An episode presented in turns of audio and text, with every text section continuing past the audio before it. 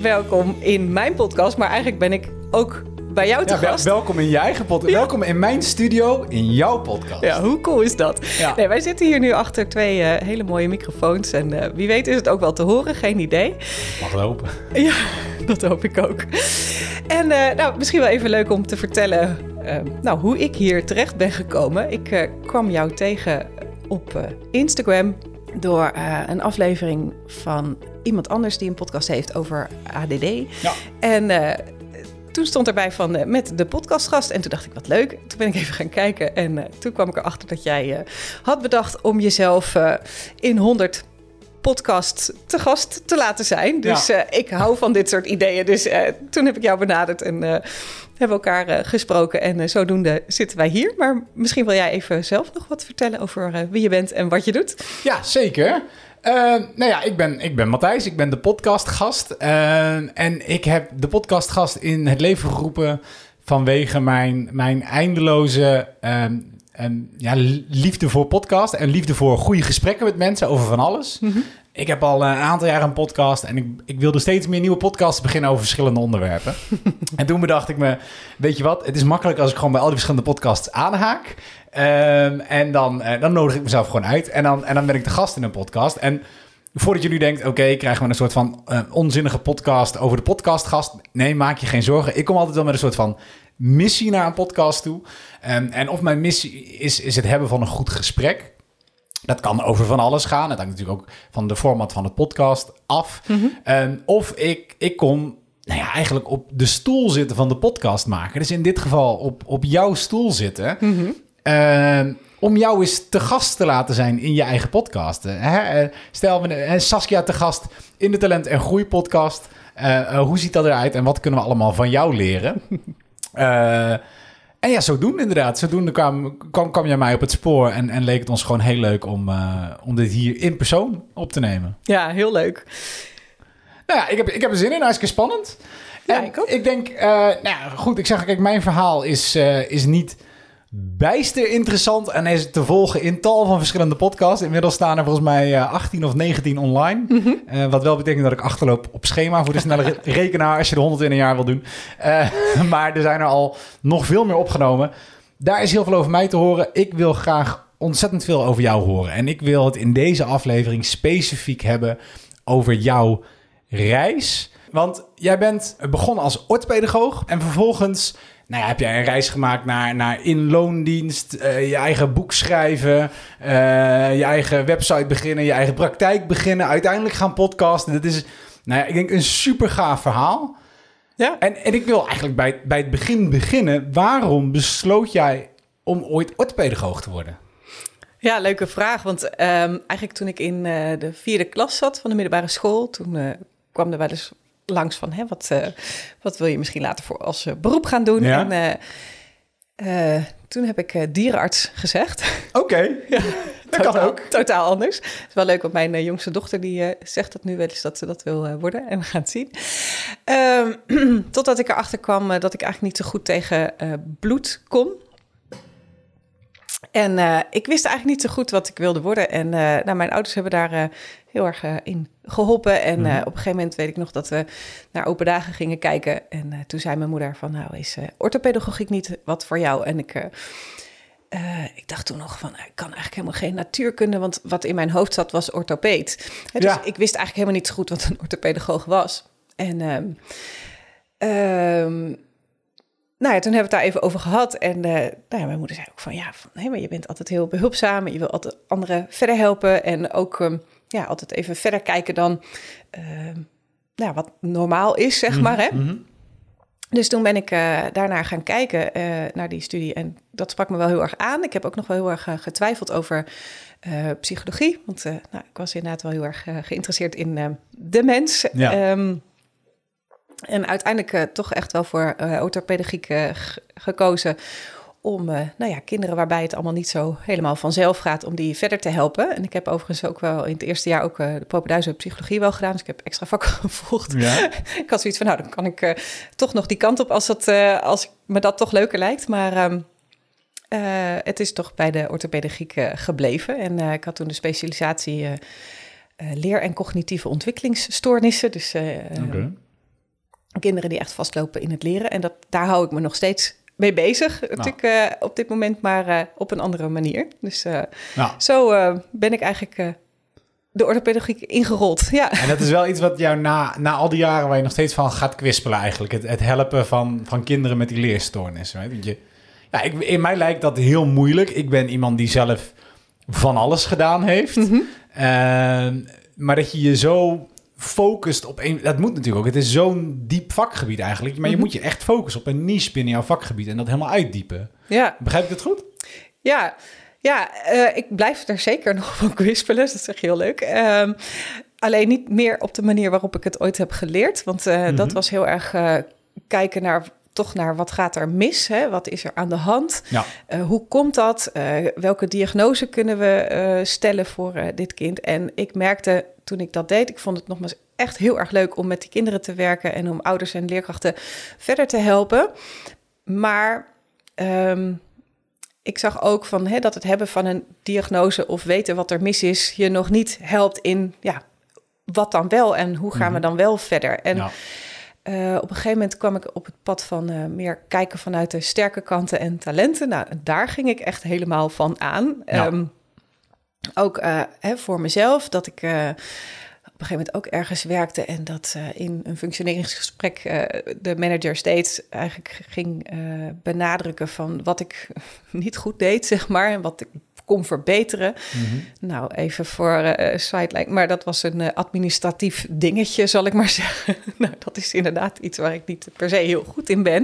Oké. Eh, verder deed ik het hartstikke goed. Hè? Dus mijn onderzoeken waren goed, mijn contacten met de scholen waren goed. hè? De ouders waren tevreden over nou ja, de gesprekken die ik had met hen. En, dus inhoudelijk zat het allemaal wel, wel goed. Nou, het voelt niet fijn ook hè, bij mezelf, zeg maar.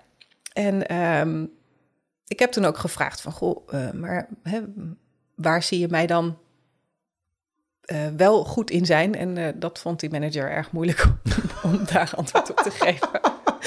nou, dat is wel een moment geweest waarop ik dacht, nou, dit moet echt anders. Dus niet alleen voor mezelf, maar zo wil ik niet anderen helpen, zeg Ja. maar.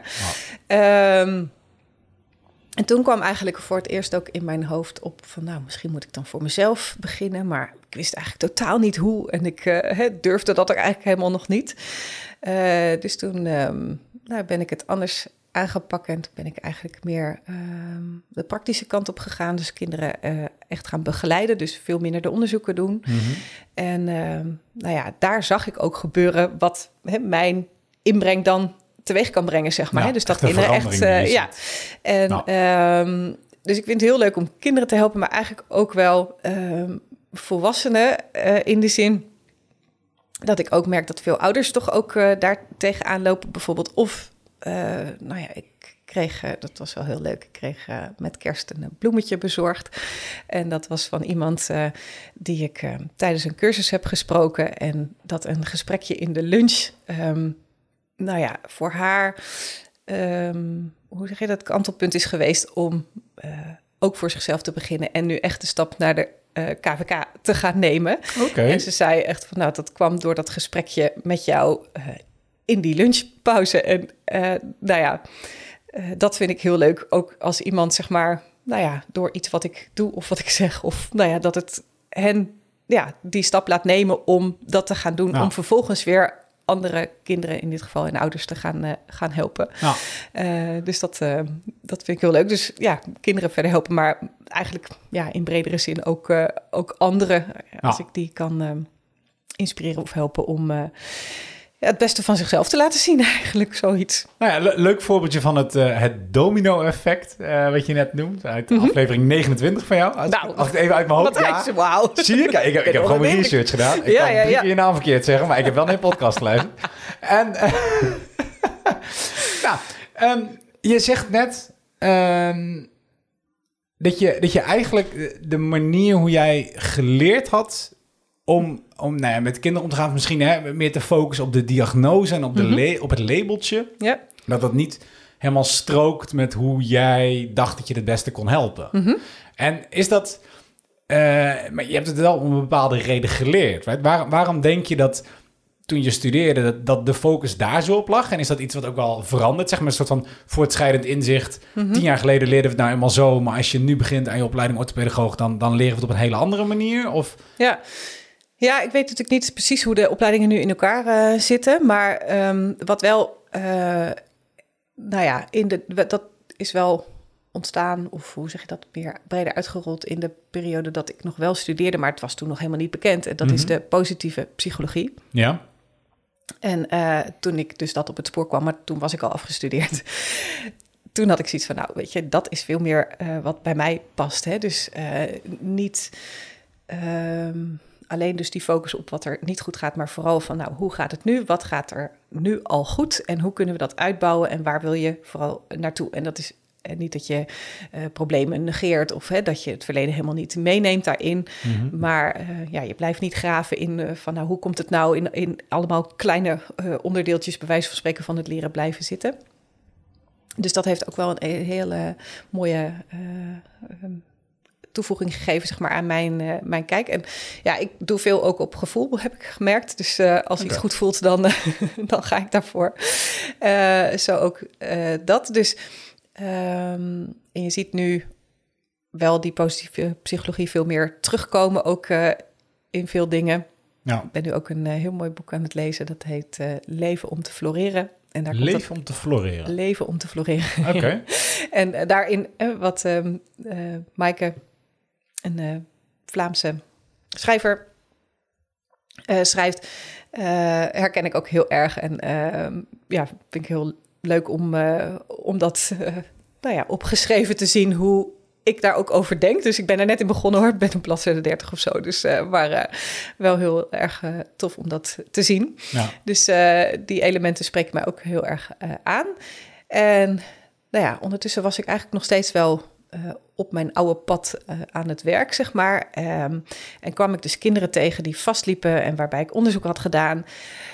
Maar waarbij ik toch altijd het gevoel bleef houden van, nou, er moet meer in zitten en het moet anders kunnen, maar ja, hoe dan? En zo ben ik eigenlijk op een ehm, website terechtgekomen eh, van de kernvisiemethode. En ehm, toen vielen er allerlei puzzelstukjes op zijn plek en kreeg ik heel veel inzichten, ook eh, voor mezelf, zeg maar. Dus dat Mhm. paste allemaal en ik herkende ook heel veel bij de kinderen die ik, eh, waar ik mee werkte. En eh, nou ja, die methodiek heeft me de praktische handvatten gegeven om, nou ja, de visie die ik had of hè, de manier waarop ik er anders mee om wilde gaan, om dat ook, nou ja, echt handen en voeten te geven en op een hele praktische manier door te kunnen geven aan de, aan de kinderen. Dus Ja. dat ben ik toen gaan doen. En toen ik die praktische handvatten had, toen ben ik dus eigenlijk mijn eigen praktijk gestart. Ja, Ja. Ja, oké, want ik- daar ben ik inderdaad ook heel benieuwd naar. Ik kan me voorstellen dat veel van de, eh, het publiek dat dit luistert... misschien ook op bestaat nou, uit, uit andere orthopedagogen... of eh, mensen in, in die tak van zorg, om dan maar even te noemen. En er zullen er ongetwijfeld ook heel veel bij zitten... die, het, eh, die, die nu in, in loondienst zijn voor een organisatie werken... Mhm. maar die ook zoiets hebben van... nou ja, ik, ik wil misschien meer vrijheid om dingen op mijn manier aan te pakken... omdat Mhm. ik het idee heb dat die eh, dat, die, dat die werken, of zoals jij zegt, hè, die gewoon goed voelen en waarbij je praktisch ziet dat het goed werkt. Mhm. Maar die ook een beetje vastzitten in die overstap van hoe ga ik nou eh, voor mezelf beginnen. Ik Mhm. weet dat het voor mij gold. Ik heb eh, een, een aantal jaar geleden een, een KVK-inschrijving eh, gedaan. En ik weet nog, ik had het eerste jaar heb ik alleen maar nul aangiftes gedaan. Want ik deed niks met... Ik, ik had die inschrijving gedaan voor Mhm. één factuur en ik de- deed er niks mee. nee. En na een jaar kreeg ik een belletje van iemand. Dat, kennelijk krijg je na een jaar een belletje als je niks doet. Van de KVK met kunnen we dit KVK-nummer sluiten? Of, of bent u van plan om daadwerkelijk belastingaangifte te gaan doen en gaat u echt iets doen hiermee? iets doen? Ja. En dat was voor mij, toevallig was ik toen al begonnen, maar dat was echt wel een soort van tweede wake-up call. Dat ik dacht van, van oh ja, sh- ja, shit, weet je, het is zo makkelijk om eh, daarin te verzaken. Om, om niet uit, ja, je neemt een soort van het ene stapje en dan blijf je toch weer een beetje hangen. Mhm. Eh, hoe was dat voor jou? Dus je, je, eh, neem ons even mee. Je was in loondienst. Ik weet niet hoe lang je in loondienst hebt gezeten. Mhm. En tot het punt dat je bedacht... ik ga voor mezelf beginnen... en dat je dat ook echt gerealiseerd hebt. Ja. Oeh, nou, ik ben niet zo goed in eh, hoe lang Nou ja, de- precies waren, maar... ongeveer. eh, ik hou je niet vast op jaartallen, maar... Nee, nee, nee. nee, nou, ik heb wel een x aantal jaren in loondienst gewerkt. Dus eh, misschien wel een grappig uh, zijpaadje. Maar na mijn studie heb ik eerst, ehm, ben ik eerst anderhalf jaar stewardess geweest. Oh. ja. ja, ik wilde graag gaan reizen eigenlijk met mijn toenmalige vriend, nu mijn man en vader van onze drie kinderen. Uh, maar hij uh, deed wat uh, meer dingen naast zijn studie, dus hij deed er wat langer over. En ik was dus, wat was ik, 22, 23 en toen dacht ik, ja, ik ben afgestudeerd, maar moet ik nou met... Um, met mijn 23 ouders en leerkrachten gaan adviseren wat ze moeten doen met hun kinderen die moeite hebben op school. Mm en uh, stewardess was helemaal niet een uh, meisjesdroom of zo, maar het was gewoon een mooie... Kom je pad. Het kwam op mijn pad en uh, een vriendin die deed het. En ik dacht, oh, dat is wel een hele leuke manier om wat van de wereld te zien. Een beetje geld te verdienen, een beetje oefenen met hoe is het überhaupt om te werken, zeg maar. Ja. En, dus, en dus, nou ja, het mooie zo te kunnen plooien dat, dat we op reis konden naar Nieuw-Zeeland. Overigens, toen René ook klaar was. Ja. En dus maar goed, op een gegeven moment dacht ik, nou, ik kan hierin blijven hangen, maar uh, hè, dan zijn er straks uh, nog vijf generaties orthopedagogen afgestudeerd en, uh, dan, dan gaan die voor, zeg maar. dus, ja, ja, en ik wilde daar toch echt wel wat mee doen. Dus toen ben ik gaan solliciteren. Dus toen, ik denk dat ik een jaar of vijf in Amsterdam heb gewerkt en toen nog, ik denk twee, tweeënhalf jaar in Almere en Lelystad. Dat was iets dichterbij. en toen is er eigenlijk een beetje een tussenperiode geweest, want ik ben dus niet plops vanuit uh, loondienst, zeg maar, ineens mijn eigen praktijk uh, begonnen. Maar um, wat ik net al vertelde, ben op een gegeven moment uh, wat meer de praktische kant op gegaan. En ook dichter in de buurt, omdat ik nou ja, toen zelf moeder was geworden ook. En een reistijd van een uur of anderhalf uur zon, echt zonde van mijn tijd vond. Ja, en, en Daarvoor vond ik het helemaal niet erg. Ik bedoel, geen probleem. Maar ja, als je een kindje thuis hebt zitten, denk ik, ja, ik ben niet ik ben niet moeder geworden om hem uh, om half acht bij de crash om de deur te gooien en om uh, kwart over zes hijgend weer uh, op te halen. Dus dat bedoel ik met van hè, op gevoel doen, dat voelde niet goed. Dus hè, dan ga ik een andere weg in. Terwijl het heel makkelijk was geweest misschien om, om wel door te gaan en te denken van nou, dit hoort erbij en hè, het moet maar zus en zo. En, maar ik dacht nou nee, dat moet anders. Dus toen ben ik um, gaan kijken naar mensen die of instituten die ook met kinderen werkten. Dus ik uh, uh, nou ja, heb een soort remedial teaching begeleiding mhm, gedaan uh, van kinderen in de basisschoolleeftijd. Op een gegeven moment kwam er een functie op een middelbare school. En tot dan toe werkte ik eigenlijk nog helemaal niet zoveel met middelbare scholieren. En dacht ik ook, oh jee, wat nu? Maar ik dacht, nou, ik ga het gewoon doen en ik zie het wel. En um, nou, dat bleek hartstikke leuk ook. En inmiddels begeleid ik eigenlijk kinderen van allerlei leeftijden. Um, dus dat was eigenlijk een beetje zo'n tussenfase. Dus een beetje freelance. Daar zat ook nog wel freelance onderzoek in. Maar op een gegeven moment had ik echt zoiets van... nee, ik, ik wil dit gewoon echt niet meer zo. Ik, nee. hè, dit past niet bij mij. Ik, ehm, en toen dacht ik, nou, nu ga ik uh, me inschrijven. En toen uh, uh, heb ik me in eind januari 2013... volgens mij, zo kan ik het nog wel relateren. Dus 2013 heb ik me ingeschreven. En ik heb nu ook een hele leuke praktijkruimte. Dat is eigenlijk een soort mm -hmm. tuinhuisje en ik realiseer me laatst dat ik uh, in september daar alweer acht jaar in zit. Dus, uh, en dat kwam voor mijn gevoel eigenlijk een beetje te vroeg op mijn pad, die praktijkruimte qua... Nou ja, ik ben natuurlijk met één leerling uh, begonnen. Ja. Ja, ja, de praktijk is niet in één keer gevuld met allemaal leerlingen. Dus dat deed ik aan de keukentafel. En op een gegeven moment kwam dit voorbij. En nogmaals, ik had nog niet zoveel leerlingen toen... dat ik dacht van, oh nou, ik moet een ruimte hebben. Maar dit was zo'n uniek plekje dat ik dacht, nou, dit, dit moet ik gewoon gaan doen. Dus dus uh, nou ja, en uh, nu, uh, nu gaat het dus, dus heel goed. Dus ja, eigenlijk ben ik wel vrij snel echt wat gaan doen nadat ik me heb ingeschreven. Ja, nee, ja, dat is beter aangepakt dan ik hoor. ik ben wel benieuwd wat jij dan dacht van oké, ik ga me inschrijven. En wat was je idee dan om dan te gaan doen? Want, Nou, ik had me toen, ik, ik, ik weet niet in hoeverre... Ehm, ik dit uit moet leggen omdat het oh. uh, de belastingdiensten. Nee, oh. nee ik was, ik was, toen heb ik eh, een opdracht gedaan en daar had ik gewoon een KVK-nummer nodig. Uh, omdat ik een factuur moest sturen. En toen dacht ik, nou, ik wil toch voor mezelf beginnen. Ik stuur die, uh, ik stuur die factuur en vanaf daar begon ik voor mezelf. En eigenlijk moest ik die factuur sturen. Dat was nog oud werk wat ik had gedaan voor mijn vorige werkgever. Ehm, terwijl ik net een nieuwe baan aannam. Mm. Uh, dus dat was een soort van laatste klus. Daar stuurde ik een factuur voor. Maar ik zat al midden in mijn nieuwe werk. En ja, life happens. Ik kreeg een hele drukke baan ehm, waarbij ik internationaal eh, sales ging doen. Mhm. Ehm, ik vloog regelmatig op en neer naar Amerika toen we dat nog allemaal eh, vrolijk deden. Ja. Ehm, en, en ik werkte 70, 80 uur per week en ik had opeens helemaal geen tijd meer om mijn eigen ding te beginnen. Oh, ja. ja. Dus ja, en toen kwam, en terwijl ik dat toch wel ergens wilde, dus toen kwam iedere keer, eh, nou ja, ieder kwartaal werd je toch even met je neus op de feiten gedrukt. Je moet belastingaangifte doen. Dan denk ik, oh ja, ja, ik heb een KVK-nummer. Mhm. Het was mijn droom om ehm, ehm, zelfstandig ondernemer te worden, want ik wilde de, de vrijheid en de, Mhm. nou, alle woorden die mensen bij zelfstandig ondernemen zien zonder dat ze dat gedaan hebben, want dan klinkt het allemaal nog leuk. Ja. en eh, ja, dat, dat- nou ja, goed, zodoende, zodoende. Dus ik dacht, oké, ik, ik moet hier iets mee. Toen heeft uiteindelijk heb ik drie kwart jaar heb ik, eh, werkte ik in loondienst. En dan kom je, tenminste toch het eerste half jaar dat je ergens werkt. In mijn ervaring is dat het heel chaotisch, kost heel veel energie en tijd. Want je moet allemaal nieuwe dingen leren, Ja. nieuwe processen. En Mhm. dat zal in ieder vakgebied hetzelfde zijn. Eh, en toen kwam ik in wat rustige vaarwater, waardoor ik weer wat ruimte had. En waardoor ik dacht, oké, ja, ik ga nu ook echt beginnen. Ja. Ehm, en uiteindelijk heb ik zodoende, naast mijn loondienst, ben ik deels begonnen als zelfstandige. Mhm. En toen ik op een gegeven moment die baan helemaal zat was, heb ik dat opgezegd en ben ik volledig doorgegaan als, eh, als eh, ondernemer. Ja. Ehm, dus, maar daar zat best wel een tijdspanne in. En ik ken meer mensen die dat, die dat wel hebben meegemaakt. Of die, nou ja, en helemaal vaak als je het KVK nog hebt, aangevraagd, dan ga je dan ook wel echt stappen zetten. Misschien dat ik daar enigszins uniek in ben. Maar toch wel ook het, eh, de wens om te ondernemen, of, of in ieder geval zelfstandig te zijn, Mhm. en dat dan niet doen. Ja.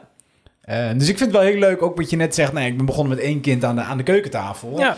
Ik ben een onwijs eh, voorstander van, van eh, zo klein mogelijk beginnen. Mhm. Zo klein mogelijk werkende concepten van, de, van dingen maken. Dat komt bij mij nog wel uit mijn opleiding. Ik ben ooit opgeleid, je raadt het nooit, tot game designer. Aha. Eh videogame designer, Ja. eh, echt waar. Eh, en vervolgens ben ik de sales ingerold en, en de e-commerce ingerold en ben ik, on, nou, ben ik gaan ondernemen. Mhm. Maar wat mij daar altijd van bijbleef was, je moet zo klein mogelijk beginnen. Right? Ja. Het kleinst mogelijke werkende prototype. Ja. Dus ja, als je zelfstandig wil beginnen als orthopedagoog, dan kan je een praktijk nemen en dan kan je, weet ik veel, folders gaan Mhm. drukken en die uitdelen en op basisscholen mensen aanspreken, met Ja. je kind helpen. Ehm, maar, maar je kan ook zeggen, nou ja, ik ken één iemand en die ga ik helpen en ik heb een keukentafel en dan kunnen we samen aanzitten en dat Mhm. Is genoeg. Right? Ja. De kleinst mogelijk, dus dat vind ik heel leuk. Dus. Daar ben ik echt fan van. Ja.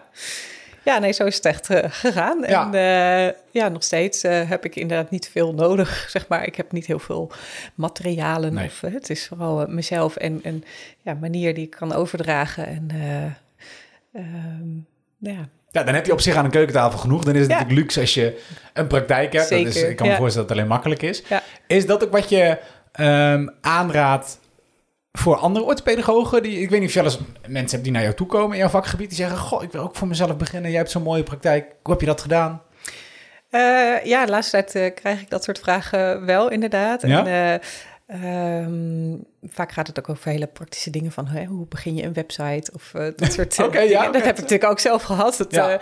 ik had wel zoiets van toen ik begon van, oh ja, ik moet wel een website, want eh, ik moet in ieder geval vindbaar zijn. Hè? Dat Ja. was eigenlijk mijn, eh, mijn doel van de website eh, toen. Van, want dat heb ik zelf ook als ik iets wil en ik google en er is geen website van. Ja, inmiddels, nou ja, kijk, nu kan je ook zeggen van nou, ik heb geen website, maar als ik een goed social media kanaal, Instagram of Facebook heb of zo, dan hè, kan het ook nog. Kom maar in ieder al geval? Ja. ik zat overigens ook toen nog helemaal niet op Facebook. Op Facebook. Op, ja, ik Op denk Hives? op net LinkedIn. Hives, ja. Oh, dat ken jij nog. Ja, dat, ja, ja, ja, ik ben ouder dan Krijt. ik ken Hypes ook. Nee, ja, ook daar heb ik niet op gezeten. Nee, ik, eh, nee, dat is wel grappig misschien ook nu ik over Facebook begin. Maar ehm, ik zat daar helemaal niet op.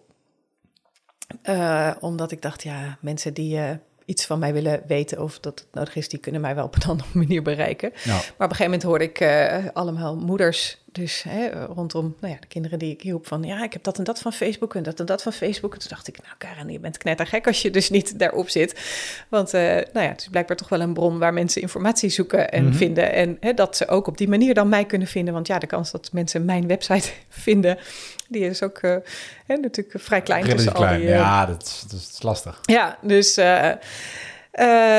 dus toen ben ik wel daarmee begonnen. En eigenlijk pas, nou, misschien een, een jaartje of anderhalf nu pas echt op Instagram meer. En eigenlijk vind ik dat stiekem nu wat leuker dan, eh, dan Facebook. Facebook. Maar uh, ja, en inmiddels weet ik eigenlijk ook niet meer zo goed hoe mensen mij uh, dan vinden. Sommigen zeggen wel van, oh, ik heb je website gelezen of gezien. En anderen zeggen, ik heb je boek gelezen. Of ja. ik heb een podcast gehoord. Of ik hè, kom via de site van de methodiek waar ik dan mee werk. Dus dat zijn allemaal manieren waarop mensen me nu dan kunnen, kunnen, vinden. Ja. ja. Ja, en ik denk natuurlijk zodra je eenmaal een soort van het cruciale hoeveelheid momentum hebt, dat je, dat je een beetje sneeuwbaleffect. Kijk, mm -hmm. dan, dan is het ook nou ja, word of mouth, mensen die elkaar ja. aanraden. Ja. Ik kan me voorstellen dat je ook steeds langdurige, dat je op een gegeven moment langdurige trajecten hebt. Ja, je agenda komt vanzelf wel vol. Mm -hmm. En dan hoef je er niet heel veel meer nieuws aan aanwas bij te hebben om te zorgen dat je agenda mooi vol blijft als ja. ondernemer. Ja, nou, in die zin zijn mijn trajecten wel uh, zijn die korter? overzichtelijk. Ja, okay. dus uh, dat is wel uh, ook heel fijn. Ja, ik vind het ook echt belangrijk dat je... Nou, dan vond ik wel leuk wat je net ook zei, van hè, met zo min mogelijk middelen ja, -hmm. wel um, aan de slag. Dus um, ik wil kinderen of anderen die ik help eigenlijk in zo kort mogelijke tijd uh, zover hebben dat ze zelf verder kunnen, zeg maar. Dat ze ook niet afhankelijk blijven van mij. Of, hè, dus dat ze echt merken van, ik kan het zelf. Ja. En uh, als je ze daar de juiste handvatten voor aanreikt, dan kan dat ook. En uh, het is wel grappig, want soms denk ik zelf terug aan hoe ik dat dan zelf doe. nou ja, ook met de, de podcast. Ja, ik heb gewoon een aantal handreikingen nodig om te weten, oh ja, hoe doe ik dit, hoe doe ik dat? Maar verder is het gewoon ook vooral een kwestie van gaan doen. Doen, ja. en uh, dat is toch echt de beste manier van leren. Ik zei laatst nog tegen mijn man van, ja, ik zeg, ik kreeg vroeger echt jeuk van de, van de slogan van Nike, just do it. Ik vond het, maar dat kwam denk ik om de energie zo van, hè, zo van, uh, nou, je moet uh, gewoon knallen en hè, je moet overal maar doorheen of weet ik veel wat. En nu zie ik hem veel meer van, hè, van nou, just do het gewoon wat luchtiger. Van ja, hè, je moet gewoon gaan doen en daardoor leer je, ja, zeg maar. Ja. En dat is ook, ja, ik kan ook heel erg schieten in denken. Hè? Dus van nou, moet ik het zus doen, moet ik het zo doen? En uh, ook dan veel opties hebben en daardoor niet kiezen of daardoor ja, niet gaan doen. Keuzestress.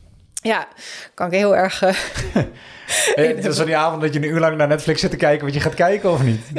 oh nee, dat oh, is... Zo herken ik keuzestress. Okay. Als, niet, als je op een gegeven moment dan weet je, nou ja, als ik nou niks gevonden krijg, dan hou maar op, want dan blijf ik bezig ja, ja. Nee, daar verbaas ik wel. Mijn mannen en mijn zoon zijn iets meer van de films. Dus die, uh, ja. En de, dan denk ik, wat zit hij nou nog steeds te scrollen? En dan, ja, ja, ik ben een film aan het zoeken. En denk ik, oh man. Ik heb al twaalf gezien. nou, dan ben je daar beter in. Uh, nee, maar ja, goed. Ja, je zegt keuzestress een beetje vast blijven zitten. En dan lees je dus toch in die, die, drie, uh, die drie woorden, just do it. Mm -hmm. Lees je nu heel wat anders dan dat je ja. toen deed. Ja, ja dat met, met veel dingen hoor. Ja, dat, uh, leuk stukje mindset. Ja, ja heel ja. erg. Ik, ik, ik ben met de kinderen en de leerlingen ook bezig met die mindset. En ik kan wel zeggen dat ik zelf vroeg, vroeger heel erg in de vaste mindset zat. En ook uh, heel voorzichtig in dingen. Van mm -hmm. echt pas gaan doen als ik zeker weet dat ik het kan of zo. Ja, ja dat, heb, dat is wel heel erg veranderd. Ik wil, ik wil nog wel een bepaalde uh, gevoel hebben van oké, okay, dit kan ik ook. Maar meer van als ik ja, zie dat iemand anders het kan, dan denk ja. ik ja, waarom zou ik het dan niet kunnen, zeg maar. En, oh, beetje de Pippi Langkous. Eigenlijk een beetje de Pippi ja. Oké. Okay. Um, je hebt het net over podcast. Daar wil ik het dus zeker ook met jou over hebben. Want dat is natuurlijk ook echt wel een beetje mijn territorium. Mm -hmm. um, maar daarvoor, je noemde het ook al. En het was wel een mooi bruggetje, je boek. Ja. Want heb je je boek geschreven... Toen je je boek schreef, was je toen al voor jezelf bezig? Ja. Oké, okay, toen was je voor jezelf bezig. En toen dacht je op een gegeven moment... Ik heb een, zoveel kennis om te delen. Of ik heb zo'n optimaal 10 stappenplan. Ik ga hier een boek over schrijven. Hoe ging dat in zijn werk? Ik heb het boek niet gelezen. Dat ga ik heel eerlijk in zijn. Maar, maar waarom zou ik, of waarom zou een luisteraar jouw boek moeten lezen? Ja, um, nee, ik was dus inderdaad al uh, nou ja, een aantal jaren eigenlijk met mijn praktijk uh, gestart. Mm -hmm. um, ik heb ergens is het wel eens langsgekomen uh, om een boek te schrijven, maar toen dacht ik ja. Ik weet niet eens hoe ik het aan moet pakken. En ik ben geen schrijver. Nee. Um, he, zo. Dus uh, daar kwam nog bij dat um, Wim Bouwman, hè, degene uh, die de grondlegger is van de kernvisiemethode, heeft ook een boek geschreven, dat heet Krachtig Anders Leren. Uh, daar staat al heel erg die visie in en hè, de aanpak van nou, hoe je dat kan doen. Dus toen mm -hmm. dacht ik, ja, alleen, ik ben in zijn cursus destijds terechtgekomen, 2011, dus bijna tien jaar geleden omdat dat dus paste bij de manier waarop ik dacht. En hè, dat nou ja, sloot eigenlijk naadloos aan. Hè, wat ik net al zei, dat gaf me de praktische handvatten om nou ja, die kinderen ook echt vanuit die talenten uh, te laten leren. En dat ook uh, die talenten ook echt in te zetten voor het leren. Want hè, je ziet in het onderwijs wel heel veel van dat dat men bezig is om te kijken wat zijn de talenten van kinderen. Uh, en dat is super, en dat is fantastisch, dat juich ik heel erg toe. Alleen ja. heel vaak zie je nog niet dat die talenten kunnen worden ingezet voor hè, echt met het leren, zeg maar. Nou goed, dat terzijde. Maar ik dacht dus steeds van ja, ik, ik, als ik een boek ga schrijven, dan gaat dat heel erg lijken op Krachtig Anders Leren. Ik kan natuurlijk niet een tweede Krachtig Anders Leren schrijven. Gewoon boek opslaan, zoek en vervang. En dan Zoiets, ja. nee, ja. ja, ja. Dus, uh, dus dat heeft me ook wel eigenlijk een beetje of tegengehouden. Maar dat ik dacht, ja, nou ja, uh, dat is er al, weet je al. Dus zo. Um, nou ja, totdat uh, Daisy Godijn, dat is mijn uitgever, langs, of hè, die, die, daar kwam een nieuw idee langs. En zij zei van, nou, ik ga uh, dan en dan starten met een groep uh, van twintig mensen die uh, de wens hebben om een boek te schrijven. En hè, als je ondernemer bent en als je, of in mijn geval, hè, een, een, drukke praktijk ook hebt, dan heb je niet echt tijd om te schrijven. Want dat was eigenlijk ook mijn idee van, nou, ik ga ooit wel een boek schrijven, maar dan moet ik daar twee, drie maanden of ja, een half jaar of dan, tijd voor ja, maken. Ja. um, dus zij kwam dus met een concept langs waarbij, uh, waarbij ze zei van nou, hè, ik ben ervan overtuigd dat iedereen uh, die nou ja, kennis te delen heeft, zeg maar. Hè? Want uh, roman schrijven of, of een thriller schrijven is natuurlijk een heel ander verhaal. Maar dit gaat over nou, het verpakken van jouw kennis in een boek. Eigenlijk um, de overtuiging van nou, dat kun je in zes weken. En toen oké, zes weken. Hm. En nou, toen heb ik daar meer nou ja, informatie over gevraagd. En uh, nou ja, daar zat ook uh, natuurlijk begeleiding bij van mm -hmm. haar en uh, professionele redactie. En dus een structuur. En dat was voor mij heel erg fijn, want um, ik weet van mezelf inmiddels van als ik in mijn eentje aan de slag ga en ik ga dan een boek schrijven, nou ja, dan begin ik en dan heb ik er geen tijd voor, want hè, mijn praktijk of mijn gezin of allebei, of nou, ja, ja, ja. hè, dan blijft dat liggen en dan heb ik over vijf jaar nog geen boek geschreven. Dus juist een beetje die korte uh, snelkookpan uh, manier, zeg maar, uh, nou ja, paste goed bij mij. Dus zodoende heb ik dat, dat ook gedaan. En nou ja, zij zei ook van, nou, het concept is ook van, nou, het wordt een in tien stappen boek. Um, hè, dus het zijn tien stappen, geen zeven, geen twaalf, tien. tien ja. toen dacht ik, oké, okay, kladje. Ik ga eens even kijken welke uh, topics ik dan kan uh, bedenken. En toen rolde er zo negen uit mijn pen. En toen dacht ik, nou ja, die tiende die, uh, die komt er dan ook nog wel bij. ja, ja, dus moet ik gewoon even iets verder over nadenken. En de volgorde. En, maar dat maakt allemaal niet zoveel uit. Maar nou ja, toen, toen ik dat had, dacht ik, ja, nee, dit... dit voelt dus weer goed. Ja. Dit moet ik gaan doen. En uh, nou, toen ben ik het gaan doen. En dan heb je dus een korte tijd uh, eigenlijk waarin je uh, eventjes zegt van... oké, okay, ik ga even niet ehm, uh, eten met vriendinnen, ik, want ik heb nog een hoofdstuk te schrijven. Ja. en um, dus zodoende ben ik dat uh, eigenlijk uh, gaan doen. En is het je dan ook echt in zes weken gelukt? Iets meer, volgens mij zeven. Maar, um... Ik hik er al zeven weken tegenaan om een blog op internet te zetten. Ja, nou... Nou, dit ik, is wel grappig. En ik ben nog nergens. Dus, ja. dus wauw, dat je dat, ik echt, nou, respect dat je, dat je dat voor elkaar krijgt, joh, in, in zeven weken. Ja, ja. Mijn hemel. Ja, nou ja, dus ja, dat is gelukkig. Ik stond er eigenlijk zelf ook wel een beetje van te kijken ja. ergens. Uh, maar goed, het is eventjes dat je zegt van... oké, okay, het wordt even vroeg opstaan of uh, hè, even niet... Uh, nou, dan moet... mijn man die heeft heel lief geholpen. Die deed meer in het huishouden in die periode ook. Ja. En, dus toen dacht ik, oh nou, ook leuk om te zien dat dat ook kan. En... ehm, ja, nee. Die taak heb je daarna nooit meer afgenomen. maar maar uh, uh, nee, ja, het, is, het heeft wel heel erg geholpen dat uh, nou ja, Daisy ook heel nuchter is. En ook dat ik, ik weet niet meer wie dat heeft gezegd, maar die, hè, je kan ook schrijven heel erg zwaar of groot maken. En ja. het heeft mij heel erg geholpen, de zin van hè, schrijf zoals je praat. Nou, daarom ben ik ook een podcast begonnen, omdat ik het heel leuk en fijn vind om uh, met mensen in gesprek te zijn. En ik vertel inderdaad makkelijker dan dat ik schrijf. Want jij zegt van ja, ik hik al zeven weken tegen een blog aan. Dat herken ik heel erg, want ja. ik ben op een gegeven moment ook, hè, dat wordt dan gezegd van ja, een website en dan moet je gaan bloggen en dat is echt goed. blijkbaar. Nou, ben ik gaan doen, maar dat is gewoon echt gestrand, zeg maar. En het is niet dat ik niks te delen heb, maar. Um, nou, nu ook weer. Hè, ik ben gevraagd eh, door een ehm, hele leuke site rondom eh, kinderen met dyslexie en ADD en ook hè, die vastlopen in het schoolsysteem om een blog te schrijven en rondom mijn boek. Nou, superleuk. En, uh, maar ik praat dus, hè, ik vertel makkelijker in een podcast bijvoorbeeld over mijn boek dan dat ik inderdaad denk, oké, nu moet ik in 500 woorden gaan de kern gaan vatten van, uh, van mijn boek. Ja, Dat, dat vind ik best wel lastig. Dus nou, op zich herken ik het wel dat je. Ben je langer bezig met de samenvatting dan het schrijven van het boek? Uh. Nou ja, zo ongeveer wel, ja. En het klinkt heel raar inderdaad. Misschien als, als je zegt, ja, je hebt toch een boek geschreven, waarom? Hè, dan, kun je, dan is een blog toch een eitje, maar voor mij dus niet. En uh, vandaar dat ik dus eigenlijk ook ben gaan podcasten en dat bevalt me heel goed. En, uh, ja. Oké. Okay. Um, dan compleet wat anders. Uh, want ik, uh, ik zie met verbazing kijken. Wat de luisteraars uh, nog niet weten, en het is eigenlijk toevallig uh, het is pure toevalligheid. Je had mij een bericht gestuurd en jij kon dit ook nooit weten. Maar mijn vriendin is orthopedagoog. Ja, ja. ja we hadden een soort van... Er zat een gedeeld dingetje. Je zegt, ik ben ooit. Je stuurde volgens mij een bericht met... Ik ben orthopedagoog en ik weet niet of je weet wat dat is. Nou ja, toevallig, ik weet wat het is. Want ik heb er, ik heb er hier eentje in huis zitten. Ja. Um, en het leuke vind ik altijd dat... Uh, uh, we hebben het daar ook heel erg over over een soort van opvoeding en over, over hoe je dat later met kinderen zou doen. Ik heb geen kinderen. Mm mijn vriendin is nog wat jonger dan mij. Ik stel dat vrolijk nog een paar jaar uit. Mhm. Ehm, maar we zien het wel nou, bij, mijn familie, bij mijn, de, de, kinderen van mijn zus en dergelijke. Dat we er duidelijk allebei een soort van mening over hebben. En dat je dat heel erg deelt. En dat we een mhm. beetje zo al aan het aftasten zijn van hoe gaat dat later bij ons zo zijn. Ja, ja, ja. Um, nou kan ik me voorstellen, je bent zelf moeder van drie kinderen. Ja. Mijn vriendin zegt zelf altijd, als we het over hebben, zeg ik, nou ja, weet je, jij beslist het later maar, jij bent de expert. Oh ja.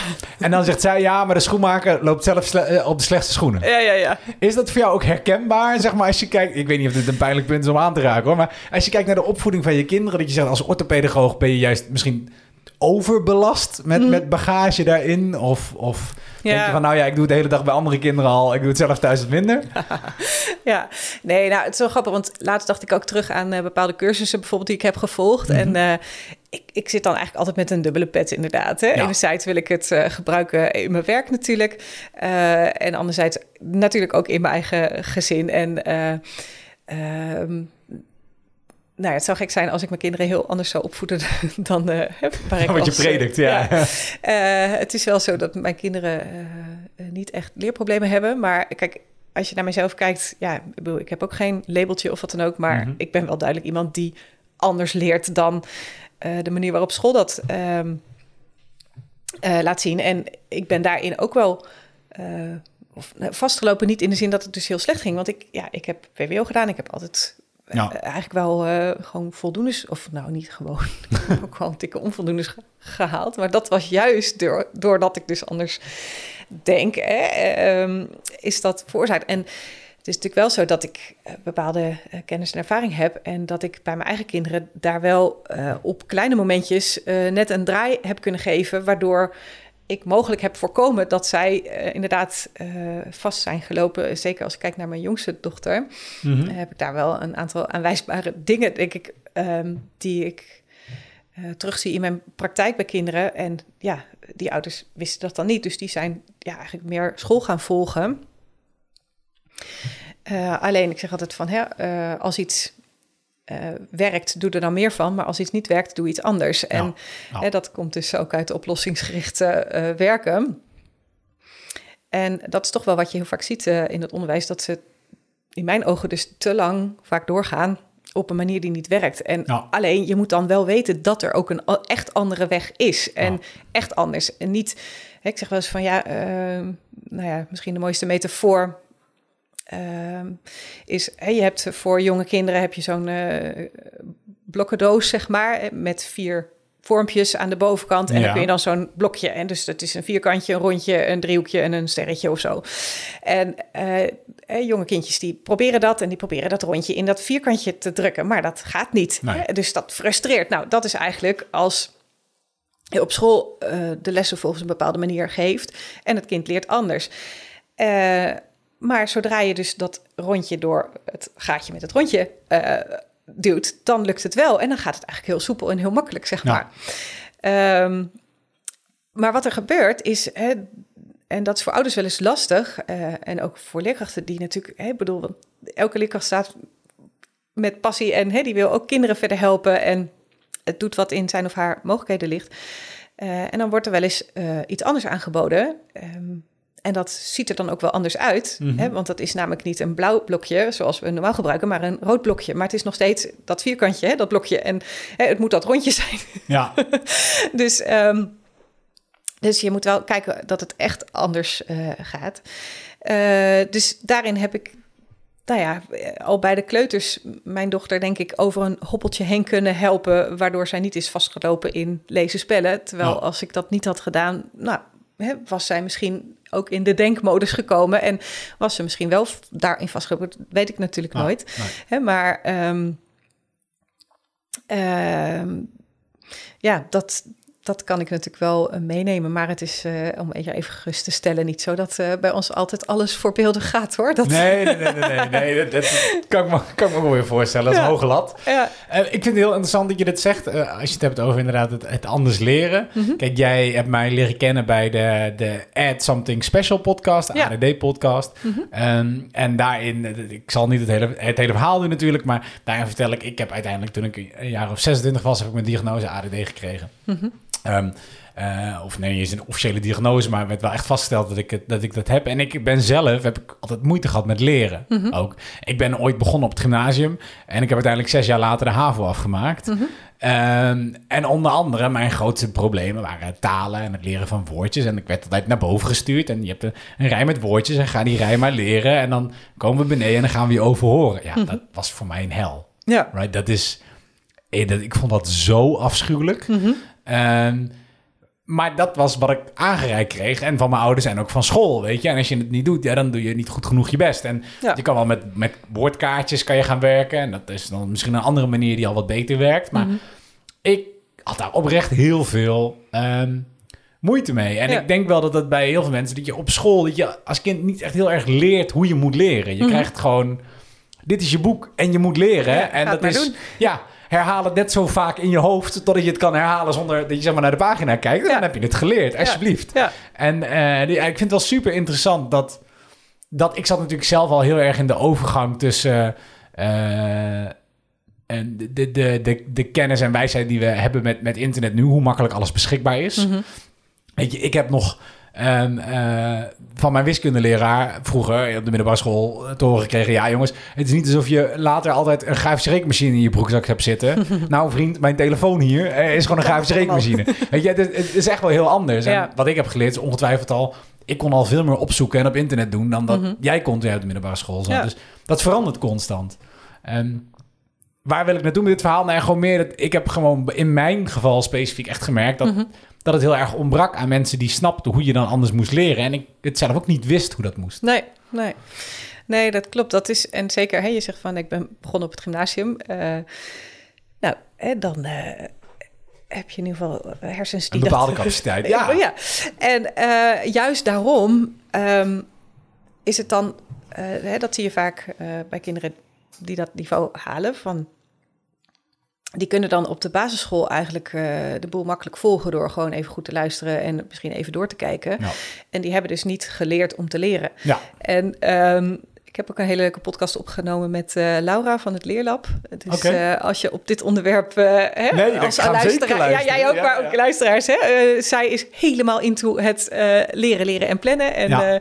zij zegt ook van, nou, dit is gewoon een vaardigheid die alle leerlingen moeten leren. En dat leer je niet door een paar mentorlessen, hè, waar, waar nee. het vaak op de middelbare school om gaat. Maar het moet echt helemaal geïntegreerd worden in het onderwijs. En hè, dus ik zeg ook heel vaak van, inderdaad, kinderen weten wel dat ze moeten leren. En als je geluk hebt, wat ze moeten leren.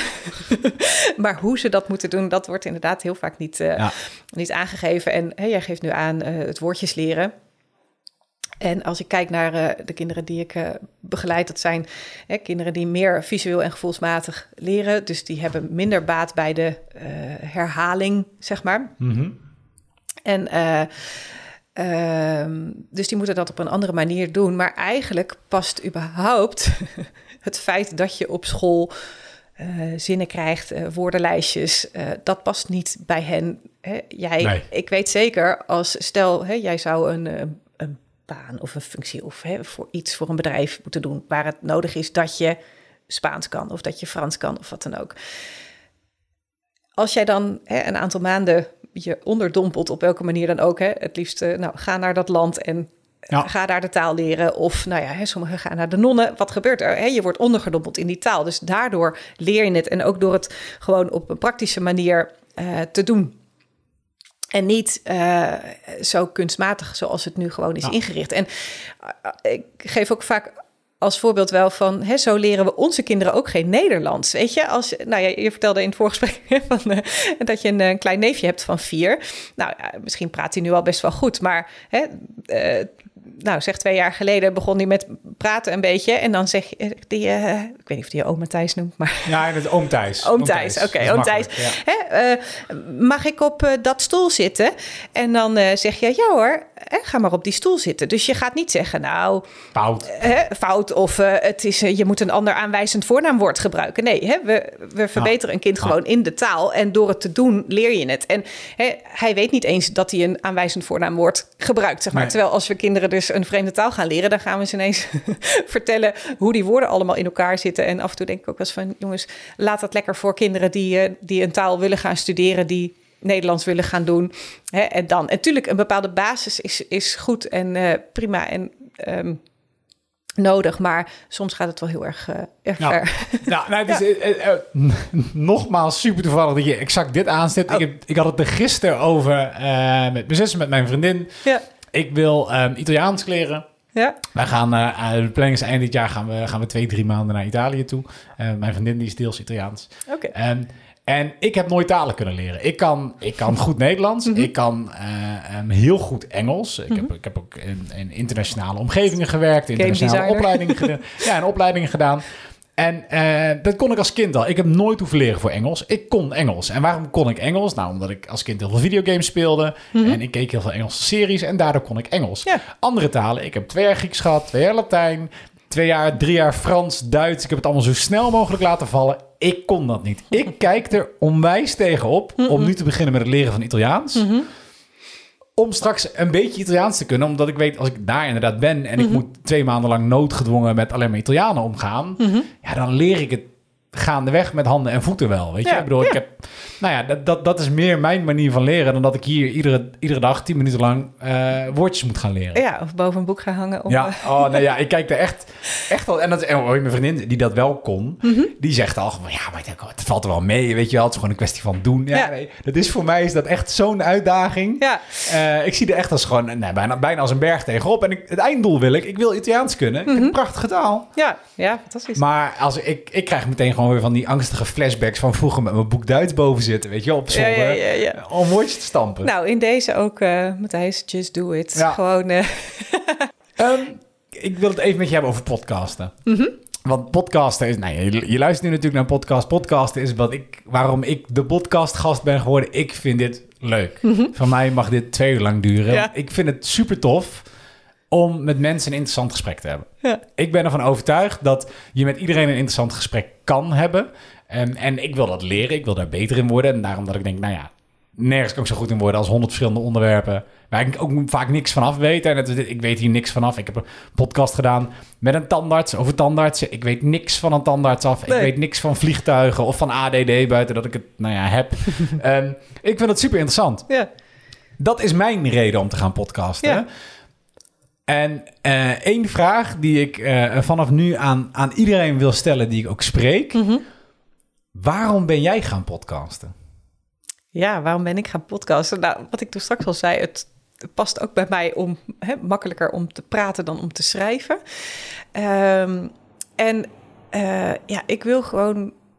Ik heb zoveel mooie dingen zien gebeuren door.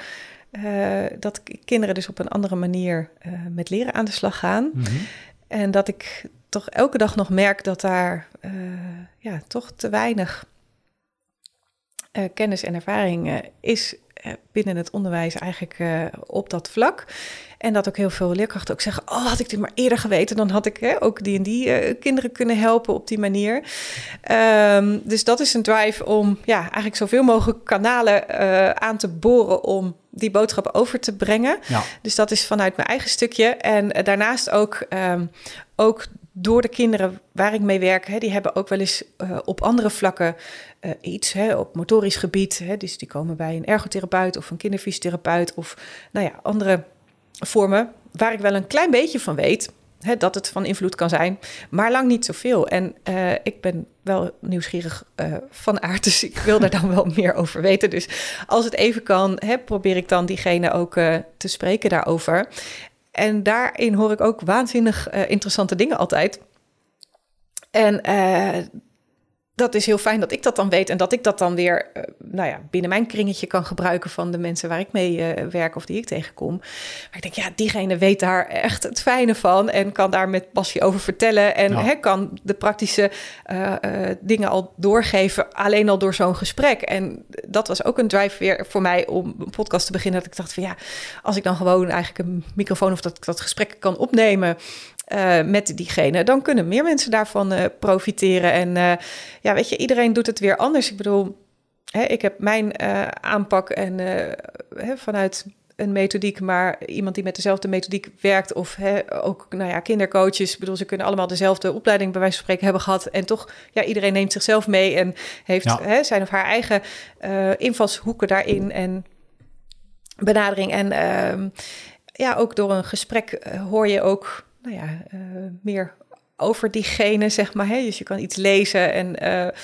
uh, ja, dan blijft dat nog steeds uh, platte tekst. Het wordt al heel anders als iemand het, zeg maar, vertelt. Ja, ja. Dus ja, ik vind het gewoon zelf ook heel erg leuk om met mensen in gesprek te gaan. Dus dat delen we heel erg en ik vind het ook heel leuk. en wat mij betreft kunnen we hier inderdaad de hele middag hele middag doorgaan, hè? Ja. Maar, want bedoel, hoe zeg ik dat?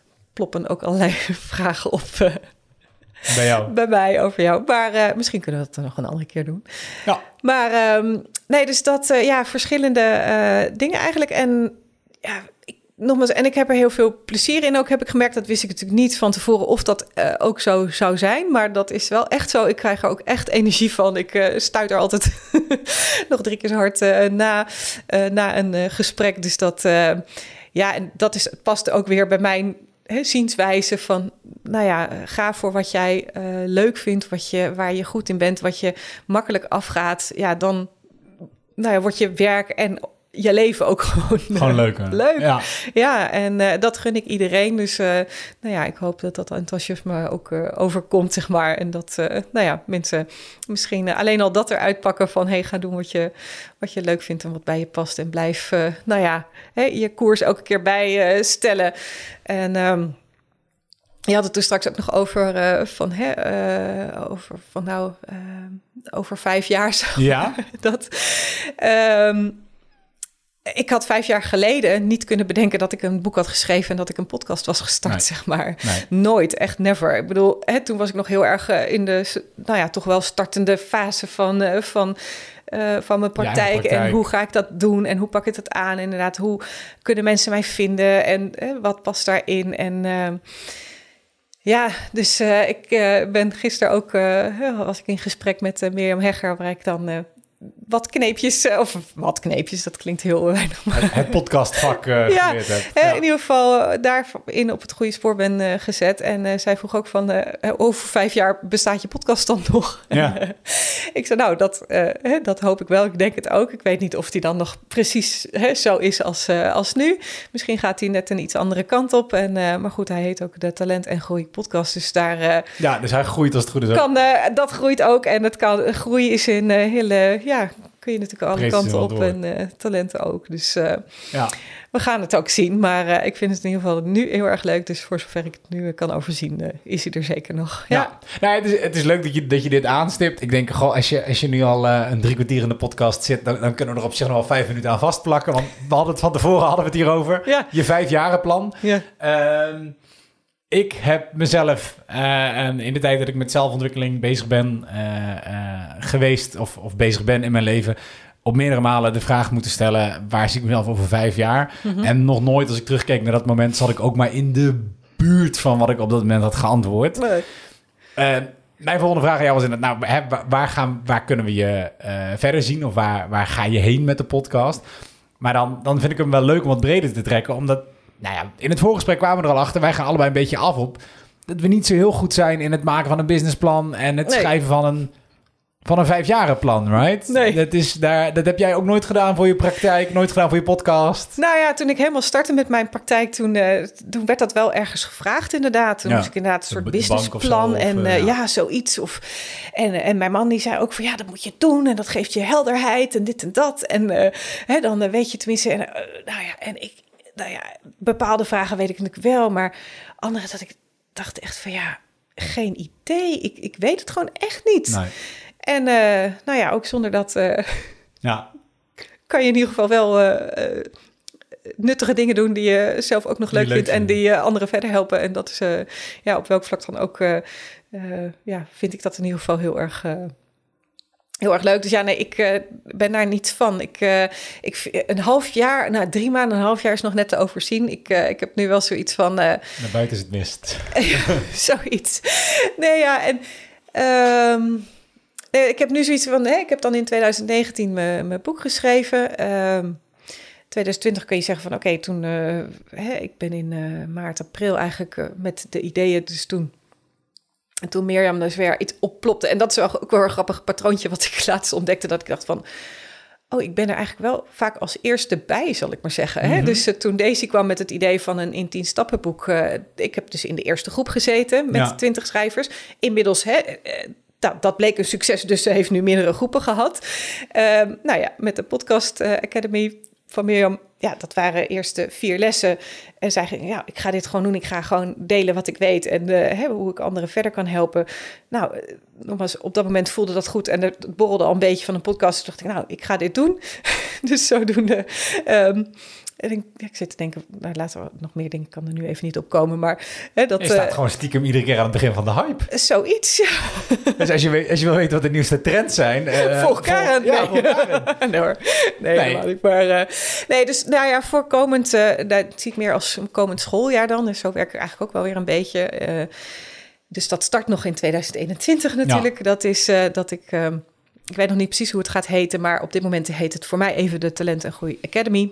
Oké. Eh dat kan nog anders gaan heten, maar eh, is dat ik een platform wil maken waarin ik, eh, nou ja, dus mijn kennis, hè, wat ik al vaker deel, dus wat ook wel in mijn boek staat en wat ook wel in de podcast langskomt, maar ehm, nou ja, ook in een online omgeving wil zetten. Nou. En ehm, eh, dat zijn de dingen die ik vaker vertel, die vaker langskomen, hè, dat ik ouders daar naartoe kan verwijzen of leerkrachten.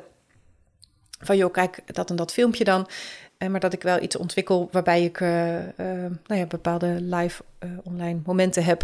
Zodat zij vragen kunnen stellen of dat we een topic uitdiepen bijvoorbeeld. En, eh, ehm, want vaak zie ik van dat ouders en leerkrachten kinderen al verder kunnen helpen. Puur door het begrip van hoe deze kinderen in elkaar zitten, hoe ze denken. En hè, dat er maar kleine dingen nodig zijn om ze al verder te helpen. Dus dan Ja. is dan niet een heel coachingstraject of iets voor nodig.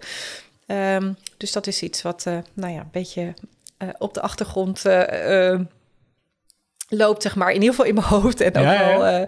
wel, wel praktisch. Dus nou ja, ik hoop dat eind van het jaar dat inderdaad blijkt van, nou, dat is in ieder geval ook gestart. En wat ook wel heel leuk is, is dat ik ook wel een aantal podcastgasten die hè, qua inhoud nou ja, heel erg aansluiten op, eh, op mijn visie. Dat ik daar ook al een beetje gepolst heb van... Goh, zou je het leuk vinden om bijvoorbeeld voor die groep dan een eh, masterclass te Masterclass geven? En die waren daar eh, heel enthousiast over. Dus, en dat vind ik zelf dus ook heel leuk om dan... Hè, de podcast is één ding, maar nou ja, in zo'n masterclass kan je nog weer wat extra misschien oefeningen geven. Of ik weet nog niet precies nogmaals hoe het eruit gaat. Dus zo vaag is het, maar ook wel weer concreet in die zin... ehm, maar ja, je moet het allemaal wel weer organiseren. Dat is eh, voor mij altijd nog wel weer eh, dat je denkt, oh ja, dan moet ik mailen, moet mensen gaan laten weten, eh, dat soort dingen. Dus ik bedoel, ideeën zat. Nee, je hebt het nu in ieder geval al de wereld ingeslingerd. dat helpt altijd, hè? Ja, dat helpt. Dus toch eens even, even oplichten. Even een, ah, Nou ja, oké, mensen weten ervan. Ja. En ik vind het heel leuk, want het is, nee, net wat je zegt, kijk, dingen die je, die je, waar je over geschreven hebt, waar je over gepodcast hebt. Maar ja, in een online omgeving is het toch ook gewoon weer een andere manier van het bundelen en van het aanreiken van je, van je kennis. En de, ik, nou ja, voor mij in ieder geval slaat dat heel erg op. Iedereen die op een eigen manier leert, wil ook op een eigen manier eh, kennis vergaren. Sommige mensen Ja. doen het via podcast, andere mensen lezen liever, andere Ja. mensen kijken liever video's of Mhm. lezen blogs of zo. Ja. Dus dat past er, dat past er helemaal bij. Ja. Ehm, wat, ik, wat ik zelf eh, nog zou willen toevoegen aan, jou, aan jouw vijfjarenplan? Of het feit dat jij, nee, dat jij daar ook nooit zo van was? ja, ik, ik dus ook niet. Hè? Als je het hebt over anders leren, nou ja, ook, ook anders met dit soort dingen. Ja. Eh, ik vond het heel intimiderend. Ik, ik ben naar, naar een Tony Robbins geweest en naar een Michael Pilarczyk geweest. En, en ik heb allemaal seminars en dat soort dingen gedaan. En je krijgt daar altijd die vraag, weet je wel, over twee jaar, over drie jaar, over vijf jaar, over tien jaar. Maakt allemaal niet uit. Ja. En, en ik liep daar altijd op stuk ook, omdat ik daar gewoon niet zo goed in ben. Maar ja, die- vraag wordt gesteld. Jij staat misschien wel in een zaal met 10.000 andere mensen waar je net mee gehighfived hebt. en, en dan voel je een beetje een sukkel dat je iedereen druk ziet schrijven. En dat jij denkt, ja, ik weet helemaal niet. Ben ik dan, gaat het bij mij mis dat ik dit niet kan? ja, misschien schrijven ze wel op. Ik weet het niet. Ik weet ja, het ik niet, weet het ook niet. Ja. ja, of ze verzinnen iets wat ook nooit klopt, zeg maar. Ik denk de meeste mensen. Ja. Ehm, en ik vond het in het begin heel lastig. En ik, nou, ik, ben, ik ben geen motivator, geen inspirator. Ik ben echt gewoon een heel normaal mens. maar wat ik mee zou willen geven aan of een, of een luisteraar die daar ook mee, mee struggelt. En die denkt van, god, nou ben ik nou zo raar, ben ik nou zo, eh, zo abnormaal. Ja. Ehm, Eén, nee, dat ben je niet. Ehm, maar twee, kijk, ik ben door de jaren heen nu eh, een voorstander geworden. Ik ben altijd een voorstander geworden van, van ambitie en ook wel van de lat hoog letten- leggen. Maar ik ben een voorstander van micro-ambitieus zijn. En dat te zeggen is, is werk met passie en met toewijding aan datgene wat voor jou zit, wat voor je ligt, waar je op dat moment mee bezig bent. Ja. En doe dat met alle dingen die je, die je leuk vindt. Mhm. En dan komt het, gaandeweg komt het wel, eh, is mijn ervaring. Dus Ja. Oh, Om een concreet voorbeeld te geven. Ik zei, ik ga 100 podcasts doen. Dat werd 100 podcasts in een jaar. Mhm. Eh, want ik versprak mezelf een keer. En nou ja, als je het een keer gezegd hebt, dan moet je dat maar blijven herhalen. Eh, en ik zit nu op eh, een podcast of 25, 26. Ik zou ergens op 40 podcasts moeten zitten. Als je zegt 100 podcasts in een jaar, 52 weken, twee podcasts per week. Mhm. Dan kan je uitrekenen aan de hand van, van het weeknummer hoe ver je ongeveer moet zijn. Ja. En als je natuurlijk super... Dat, dat kan best wel een druk geven en dat, dat moet je helemaal plannen. En dat, en dat is maar een jaar, weet je wel. En dan, wie wil je allemaal hebben en zo. En Ja. ik merk dat ik daar veel minder mee bezig ben. Op het moment dat ik hier met jou in een gesprek zit, ben ik alleen maar met jou bezig. Ja. Maar dit is mijn focus en ik ben bezig met de volgende drie, vier andere podcasts die op de planning staan. Mhm. Buiten dat lijkt niks. Right? En op het moment dat ik merk, oh ja, mijn agenda wordt weer leger en er komt niks aan, dan ga ik me daar wel weer op focussen. En dan Ja. ga ik ook full focus op weer het binnenkrijgen van nieuwe. En eh, tegen die tijd komen er vaak mensen bij mij terecht. Zelf, ja. En, want het Ja. is ook een, een soort van ripple effect, omdat je eh, steeds meer mensen horen je. Mhm. Maar daarom, weet je, laat, laat die vijf jaar los. Yes. Wees micro-ambitieus. Supercoole term. ik vind hem Ja, leuk. Ja. En, en, like, en dan merk je vanzelf dat het goed gaat. Met Ja. alles. ja. Leuk. Ehm, is mijn ervaring. Dus ja. nou, Mooi hè? inmiddels, ik had vijf minuten extra gezegd. eh, ik denk 15 minuten geleden. Eh, wil ik hem afsluiten? Wil ik deze aflevering afsluiten? Als het goed is dat, dat ik hem afsluit, mag dat? Ja, prima. Doe maar. Hartstikke leuk. Ehm, want dat, dat zeg ik altijd stiekem, omdat ik dan even de tijd heb om mezelf te pitchen. als, je dit nou, als je dit nou gehoord hebt, je denkt... Goh, Matthijs, eh, de podcastgast, ik vind het wel leuk. Ik eh, ben ook benieuwd hoe je gesprekken hebt met mensen over van alles en nog wat. Hoe je mensen interviewt of met mensen op de tafel zit of je eigen kennis deelt. Dan kan je mij volgen. Mij en mijn gesprekken kan je volgen. Ik heb geen eigen podcastkanaal, nog niet. Dat komt er wel, waarbij we kleine versies van alle podcasts doen. Wat leuk. Maar op www.depodcastgast.nl kan je mij vinden. Daar zie je alle losse afleveringen. Kan je aanklikken met een linkje naar, naar eh, een stukje, een klein blogje, een stukje tekst over de aflevering van Ja. mij.